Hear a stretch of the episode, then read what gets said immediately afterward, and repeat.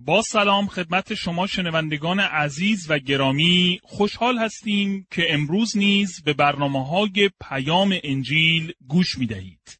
از شما دعوت می کنیم به برنامه مطالعه و بررسی کلام خدا که توسط دکتر جان ورن مگی تهیه شده است توجه بفرمایید. کتاب اول یوحنا ادامه فصل چهار دوستان عزیز در برنامه گذشته یوحنا گفت که خدا روح پاک خود را در ما قرار داده تا به ما کمک کند مانند او محبت نماییم و در مورد کار نجات بخش او از طریق فرستادن فرزندش عیسی مسیح در این دنیا شهادت دهیم. ایمان و اعتراف ما به عیسی مسیح به عنوان فرزند خدا آشکار می کند که ما نیز به خدا تعلق داریم و خدا در ما ساکن است. اکنون به بررسی بقیه آیات این فصل توجه بفرمایید. در نامه اول یوحنا فصل چهار آیه شانزده می‌خوانیم ما می‌دانیم که خدا چقدر ما را دوست میدارد زیرا گرمی محبت او را چشیده ایم. ما محبت او را باور می کنیم. خدا محبت است و هر که با محبت زندگی می کند با خدا زندگی می کند و خدا در وجود اوست. آنها به طور حل نشدنی به هم بافته و در هم آمیخته شدند. نمی توانید به سادگی بگویید که خدا را دوست دارید و یک فرزند خدا هستید وقتی به ایمانداران مسیحی دیگر محبت نمی کنید یا از آنان نفرت دارید. اکنون دومین مرتبه در این فصل است که عبارت خدا محبت است را در ارتباط با تعریف خدا مشاهده می کنیم. یک روش آسان برای به خاطر سپردن محل این آیات می تواند چنین باشد. اول یوحنا فصل چهار را به یاد داشته باشید. عدد چهار را دو برابر کنید می شود هشت. اولین مرتبه در آیه هشت این حقیقت نوشته شده و سپس عدد هشت را دو برابر کنید می شود شانزده که در آیه شانزده نیز دو مرتبه می توانید آن را ببینید. بنابراین در نامه اول یوحنا فصل چهار آیه هشت و آیه شانزده حقیقت بزرگی در کلام خدا مشاهده می کنید. خدا محبت است.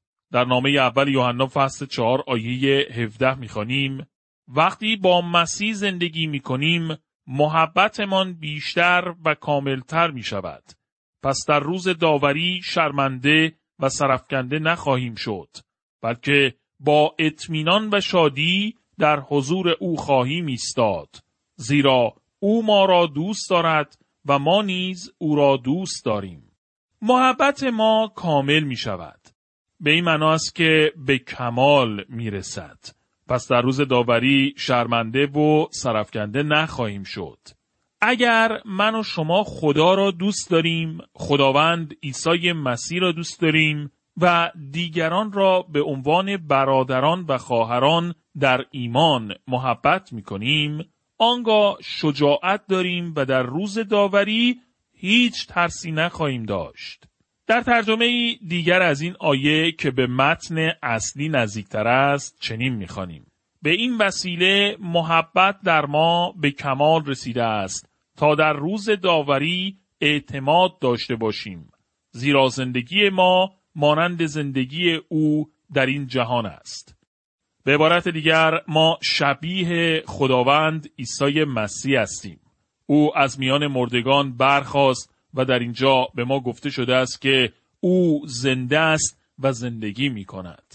خب ما نیز همان زندگی را داریم و او اکنون در دست راست خدا برای ما در آسمان است. ما در عیسی مسیح هستیم و در آن محبوب خدا پذیرفته شده ایم. بنابراین در آیه بعدی به یک نتیجه عالی می رسیم. در نامه اول یوحنا فصل 4 آیه 18 می‌خوانیم لازم نیست از کسی که ما را به طور کامل دوست دارد بترسیم. محبت کامل خدا هر گونه ترس را در ما ریشکن می سازد. اگر هنوز می ترسیم علتش این است که هنوز کاملا یقین نداریم که خدا حقیقتا ما را دوست می دارد. هیچ چیزی مانند ترس در قلب انسان نیست. اما فرزند خدا نبایستی از هیچ داوری بترسد. وقتی عیسی مسیح برای شما مرد، همه چیز به انجام رسید و تمام شد. محبت کامل خدا هر گونه ترس را در ما ریشکن می سازد. اگر هنوز می ترسیم علتش این است که هنوز کاملا یقین نداریم که خدا حقیقتا ما را دوست می دارد. اگر در ترس می باشید نمی توانید از نجاتتان شادمان باشید. شادی از محبت می آید و اگر نسبت به خداوند عیسی مسیح به خدا و ایمانداران دیگر محبت دارید آنگاه ترس از وجود شما بیرون خواهد رفت. در اول یوحنا فصل چهار آیه 19 می‌خوانیم محبت ما نسبت به خدا از محبتی ناشی می شود که او اول نسبت به ما داشت. وقتی ما دوست داشتنی و قابل محبت کردن نبودیم او به ما محبت نمود. خداوند لایق محبت است. او شایسته است. برای خدا لیاقت دارد که تمام محبت ما، تمام وجود و پرستش ما، تمام سرسپردگی و خدمت ما را داشته باشد.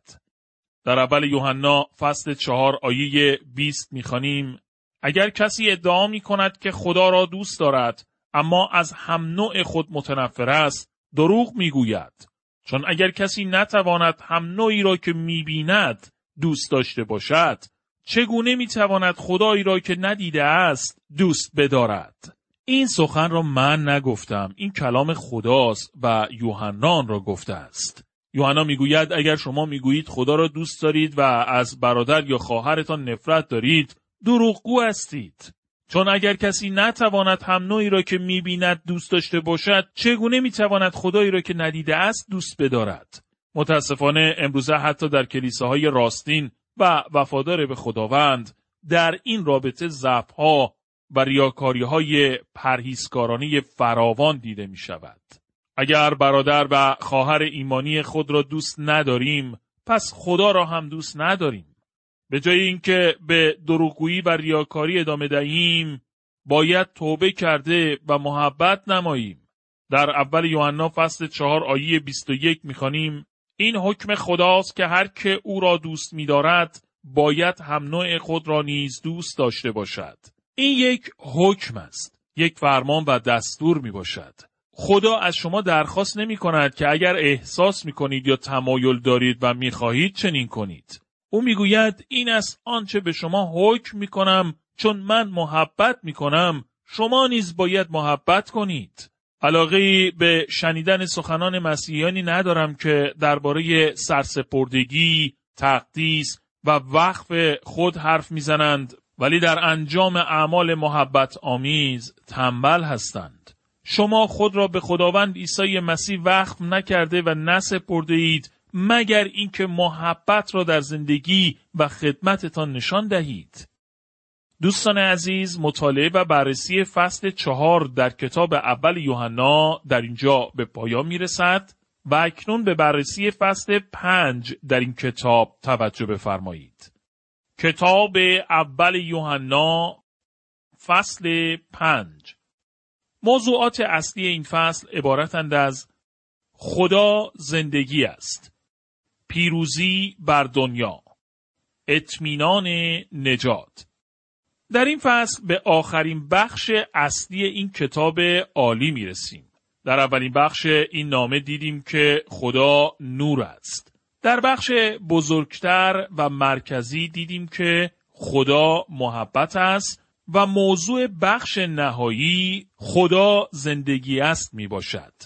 پیروزی بر دنیا در پنج آیه ابتدایی این فصل یوحنا در مورد پیروزی ایمانداران بر دنیا صحبت می کند.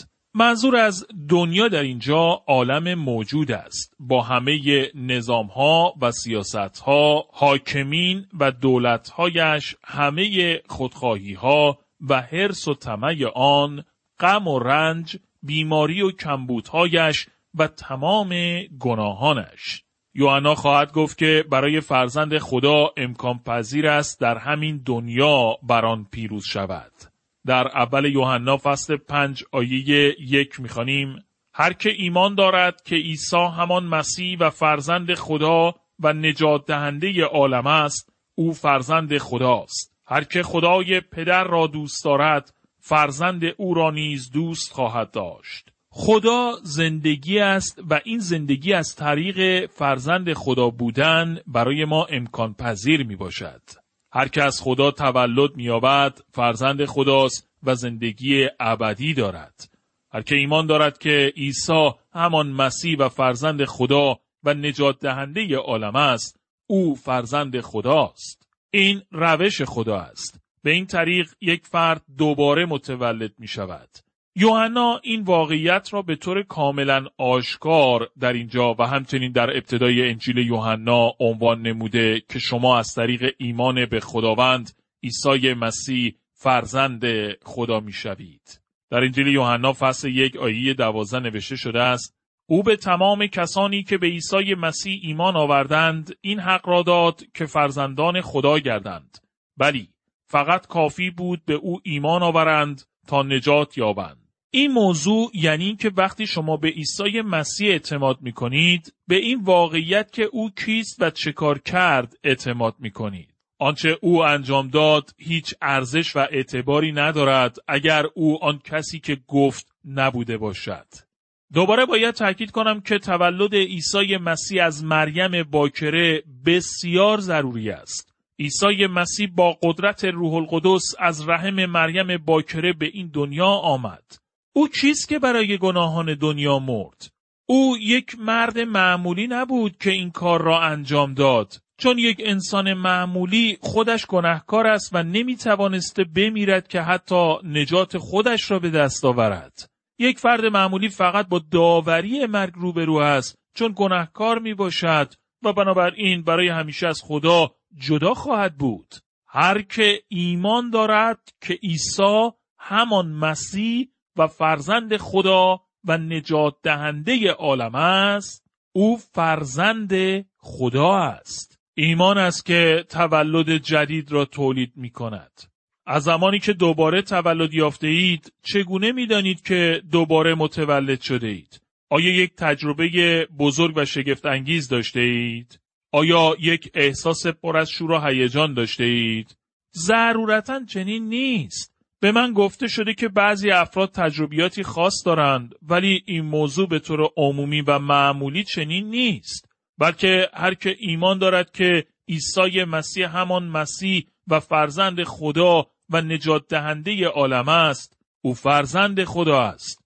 هر که خدای پدر را دوست دارد فرزند او را نیز دوست خواهد داشت. هنگامی که به خداوند عیسی مسیح اعتماد می کنید دوباره متولد شده اید و خدا پدر آسمانی شما می شود. او خدای پدر است و پدر آسمانی شما می گردد. اگر او پدر آسمانی شما است و شما از او دوباره تولد یافته اید پس او را دوست خواهید داشت. اما در همانجا متوقف نشوید. شما همچنین هر که را که توسط او دوباره متولد شده است را دوست خواهید داشت. به عبارت دیگر شما دیگر فرزندان خدا را نیز دوست خواهید داشت و محبت می کنید. یوحنا این نکته را قبلا گفته است و او اشاره کرده که این موضوع نکته تازه ای نیست. در نامه اول یوحنا فصل 3 آیه 11 چنین می‌خوانیم پیغامی که از همان ابتدا به ما داده شد این است که یکدیگر را محبت نماییم و همچنین خداوند عیسی مسیح در انجیل یوحنا فصل 13 آیه 35 گفت محبت شما به یکدیگر به جهان ثابت خواهد کرد که شما شاگردان من می باشید. عبارت تولد یافته از خدا بسیار مهم است. از خدا تولد یافتن به این معنا نیست که شما عضو یک کلیسا شده اید یا مراسم خاصی را انجام داده اید. اگر از خدا تولد یافته اید، امیدوارم به یک کلیسا بپیوندید و در برنامه ها و زندگی کلیساییتان سهیم شوید. اما پیروی و انجام تشریفات و اعمال معین شما را یک فرزند خدا نمی سازد. نکته مهم این است. آیا از خدا تولد یافته اید؟ آیا دوباره متولد شده اید؟ آیا فرزند خدا هستید؟ زمانی دوباره متولد شده اید که به خداوند عیسی مسیح به عنوان نجات دهنده خود اعتماد کنید و اثبات این واقعیت محبت شما نسبت به خدا است. شما پدر خود را دوست دارید چون او شما را دوباره متولد نموده است و شما دیگر فرزندان او را دوست خواهید داشت چون آنها برادران و خواهران شما هستند. این حقیقت محدود به یک فرقه مسیحی، کلیسا، نژاد یا گروه معینی نمی باشد. کسی که دوباره متولد شده افرادی را که دوباره تولد یافتهاند دوست خواهد داشت. نامه اول یوحنا کتابی است که به شما کمک می کند بتوانید بدانید چگونه در مورد نجاتتان اطمینان داشته باشید و در تمام این موارد یوحنا شواهدی را در ارتباط با اینکه فرزند خدا هستید مطرح کرده است. یک در اول یوحنا فصل دو آیه 25 گفت همه شما به خوبی می‌دانید که خدا به طور مطلق نیک است پس این را نیز بدانید که هر که نیکی می کند فرزند خداست. یک فرزند خدا در زندگیش نیکی کرده عدالت و انصاف را رعایت می کند. منظور این نیست که نیکی نمودن یک عمل غیر عادی یا کاری است که شما گای اوقات انجام می دهید. بلکه بایستی اعمال زندگی شما باشد. بعضی مواقع لغزش خورده و خواهید افتاد ولی اگر فرزند خدا هستید نیکی و انصاف عملکرد زندگی شما خواهد بود. دو در اول یوحنا فصل سه آیه نه نوشته شده است هر که به خانواده خدا ملحق می شود و فرزند خدا می گردد به راه گناه نمی رود زیرا او از طبیعت و حیات الهی برخوردار می شود. بنابراین دیگر نمی تواند گناه کند زیرا در او زندگی تازه‌ای شکل گرفته است که از خدا جریان می‌یابد. یک فرزند خدا به عمل گناه ادامه نخواهد داد. او در گناه زندگی نخواهد نمود و در آن لذت نمی‌برد و محور زندگیش نمی‌سازد. شیوه زندگی یک فرد گناهکار گناه است و در تمام مدت در آن زندگی می کند و انتظار ندارید کاری متفاوت انجام دهد. ما همگی در گناه زندگی می کردیم تا زمانی که به سوی عیسی مسیح آمدیم و خداوند زندگی ما را تغییر داد. 3. در اول یوحنا فصل 4 آیه 7 گفته شده است عزیزان من بیایید یکدیگر را محبت کنیم زیرا محبت از خداست و هر که محبت می نماید فرزند خداست و خدا را واقعا می شناسد. یک فرزند خدا مسیحیان دیگر را محبت خواهد نمود. این نیز یکی از دلایلی است که به شما اطمینان می دهد از خدا تولد دوباره یافته اید و فرزند خدا می باشید. دوست من آیا مسیحیان دیگر را دوست دارید؟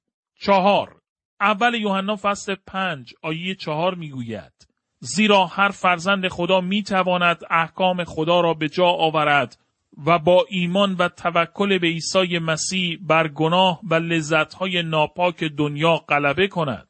یک فرزند خدا بر دنیا غلبه خواهد نمود. پنج در اول یوحنا فصل پنج آیه 18 نوشته شده است می‌دانیم هر که فرزند خدا شده است خود را به گناه آلوده نمی کند زیرا مسیح که فرزند خداست او را حفظ می کند تا دست شیطان به او نرسد. یک فرزند خدا از شیطان دوری می کند. دو علامت مشخص برای شناخت یک فرزند خدا در این فصل بیان شده است که وقتی به آن آیات برسیم آنها را بررسی خواهیم نمود. یوحنا بر روی موضوعات معینی برای تشخیص و امتحان اینکه فردی فرزند خداست تأکید کرده است. سه موضوع محبت، اطاعت و حقیقت مهم می باشند. هیچ کس نمی تواند با آن کلمات مخالفت داشته باشد. محبت، اطاعت و حقیقت مشخص کننده یک فرزند خدا هستند.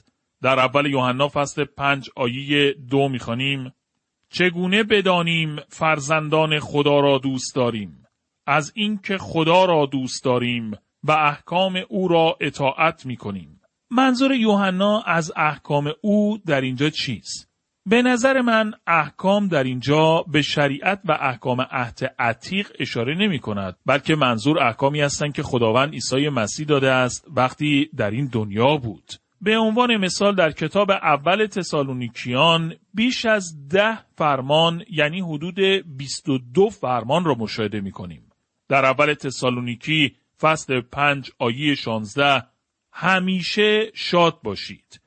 در اول تسالونیکی فصل 5 آیه 17 پیوسته دعا کنید. در اول تسالونیکیان فصل 5 آیه 19 هیچگاه مانع کار روح خدا نشوید. تعدادی از فرامین و احکام خداوند هستند که برای ما ایمانداران می باشند. هر فرزند خدا می خواهد این احکام را به عنوان اعمال زندگیش رعایت کند. این موضوعی است که او مشتاق انجام آن می باشد. در اول یوحنا فصل 5 آیه 3 می خانیم در واقع کسی که خدا را دوست دارد نمی تواند احکام او را اطاعت نکند و احکام او برای ما مشکل نیست. در ترجمه های مختلف به جای کلمه مشکل در اینجا از کلمات زحمت، سخت، دشوار و سنگین استفاده شده است که در واقع به یک مفهوم می باشند. احکام او سنگین و سخت نیستند. نکته اصلی این نیست که رعایت آنها مشکل نمی باشند بلکه منظور این است که اگر رعایت شوند زحمت و مشکلی ایجاد نمی کنند. یوحنا در واقع می‌گوید که فرزند خدا می‌خواهد احکام خدا را رعایت کند. او خواهان انجام این اعمال است. برای او انجام دادن آنها مشکل نمی باشند. خانمی نگران دختر بچه شد که کودکی سنگین را در بغلش گرفته و می‌رفت. از آن دختر بچه پرسید دخترم آیا این کودک برایت زیاد سنگین نیست؟ دختر بچه جواب داد سنگین نیست برادرم است. به تفاوتی که در اینجا می باشد توجه می کنید وقتی به برادر یا خواهرتان کمک می کنید. در واقع کسی که خدا را دوست دارد نمی تواند احکام او را اطاعت نکند و احکام او برای ما مشکل نیست. نکته مهم این است که آنها زحمتی را بر ما تحمیل و ایجاد نمی کنند چون در محبت و از طریق محبت آنها را رعایت می کنیم. در اینجا چگونگی دیدگاه ما به آنها اهمیت دارند. در این رابطه می‌خواهم داستانی را تعریف کنم. سالها پیش مردی با خانوادهش به شهری جدید رفت تا در آنجا زندگی کند. هنگام ورود به شهر در رستورانی توقف کردند. مرد از صاحب رستوران پرسید اینجا چگونه شهری است؟ صاحب رستوران گفت از چه نوع شهری میایید؟ آن مرد گفت ما از شهری خوب میاییم. در آنجا همه به یکدیگر کمک می کردند و یکدیگر را می شناختند. مردمی مهربان و خوب بودند. واقعا به راحتی آنجا را ترک نکردم ولی می‌خواستم زندگی در شهر دیگر را نیز تجربه کنم و در جستجوی شهر خوبی برای زندگی هستم. اینجا چه نوع شهری است؟ صاحب رستوران گفت اینجا هم مانند همان شهری است که از آنجا میایید. آن مرد گفت چقدر خوب پس احتمالا در همین شهر خواهم ماند. پس از آن خدافسی کرد و از آنجا رفت. مدتی بعد یک مرد دیگر با خانوادهش به آن رستوران آمدند. آن مرد دیگر نیز از صاحب رستوران پرسید اینجا چگونه شهری است؟ صاحب رستوران از او نیز پرسید از چه نوع شهری میایید؟ آن مرد جواب داد خوشحالم که آن شهر قبلی را ترک کردم. افراد بسیار بدی در آنجا زندگی می کردند. به هیچ کس کمک نمی کردند و هرگز دوستی در آنجا نداشتم. و به همین دلیل نیز آنجا را ترک کردم. صاحب رستوران گفت فکر می کنم این شهر هم مانند همان شهری باشد که از آنجا میایید. مرد دوم تصمیم گرفت در این شهر نماند و از آنجا رفت. یکی از شهروندان شهر که در رستوران نشسته بود دید که صاحب رستوران به این دو نفر دو جواب متفاوت داد. از او پرسید منظورت چه بود که به این دو نفر دو نوع دیدگاه متفاوت از شهرمان دادی؟ صاحب رستوران پاسخ داد آموختم که هر شهر همان نوعی خواهد بود که آنجا را ترک کرده اید چون شما همان نوع شخص باقی خواهید ماند. دوست من اجازه دهید بگویم دیدگاه شما به هر چیزی بر رفتار و عکس شما تأثیر می‌گذارد. فرزندان خدا باید به عنوان فردی شناخته شوند که در انتظار این نباشند که کسی برای او کاری انجام دهد بلکه او خودش باید محبت واقعی را در عمل برای دیگران نشان دهد و به فکر آنها باشد. در انجیل یوحنا فصل 13 آیه 35 نوشته شده است محبت شما به یکدیگر به جهان ثابت خواهد کرد که شما شاگردان من می باشید. اگر خداوند را دوست دارید، اگر پدر آسمانیتان را دوست دارید، حتما می خواهید به ایمانداران مسیحی دیگر محبت کنید. خواهید دانست که احکام خدا را رایت می کنید و برای شما سنگین و دشوار نیستند. خداوند عیسی مسیح در انجیل متا فصل 11 آیه سی چنین گفته است زیرا یوغ من آسان و بار من سبک است. سنگین نخواهد بود اگر محبت واقعی نسبت به خداوند داشته باشید و بخواهید حقیقتا به او خدمت نمایید. آنگاه کار کلیسا و انجام خدمات مسیحی متفاوت هرگز برای شما سنگین و دشوار نخواهد شد. بلکه با علاقه و اشتیاق برای خداوند فعالیت و خدمت خواهید کرد.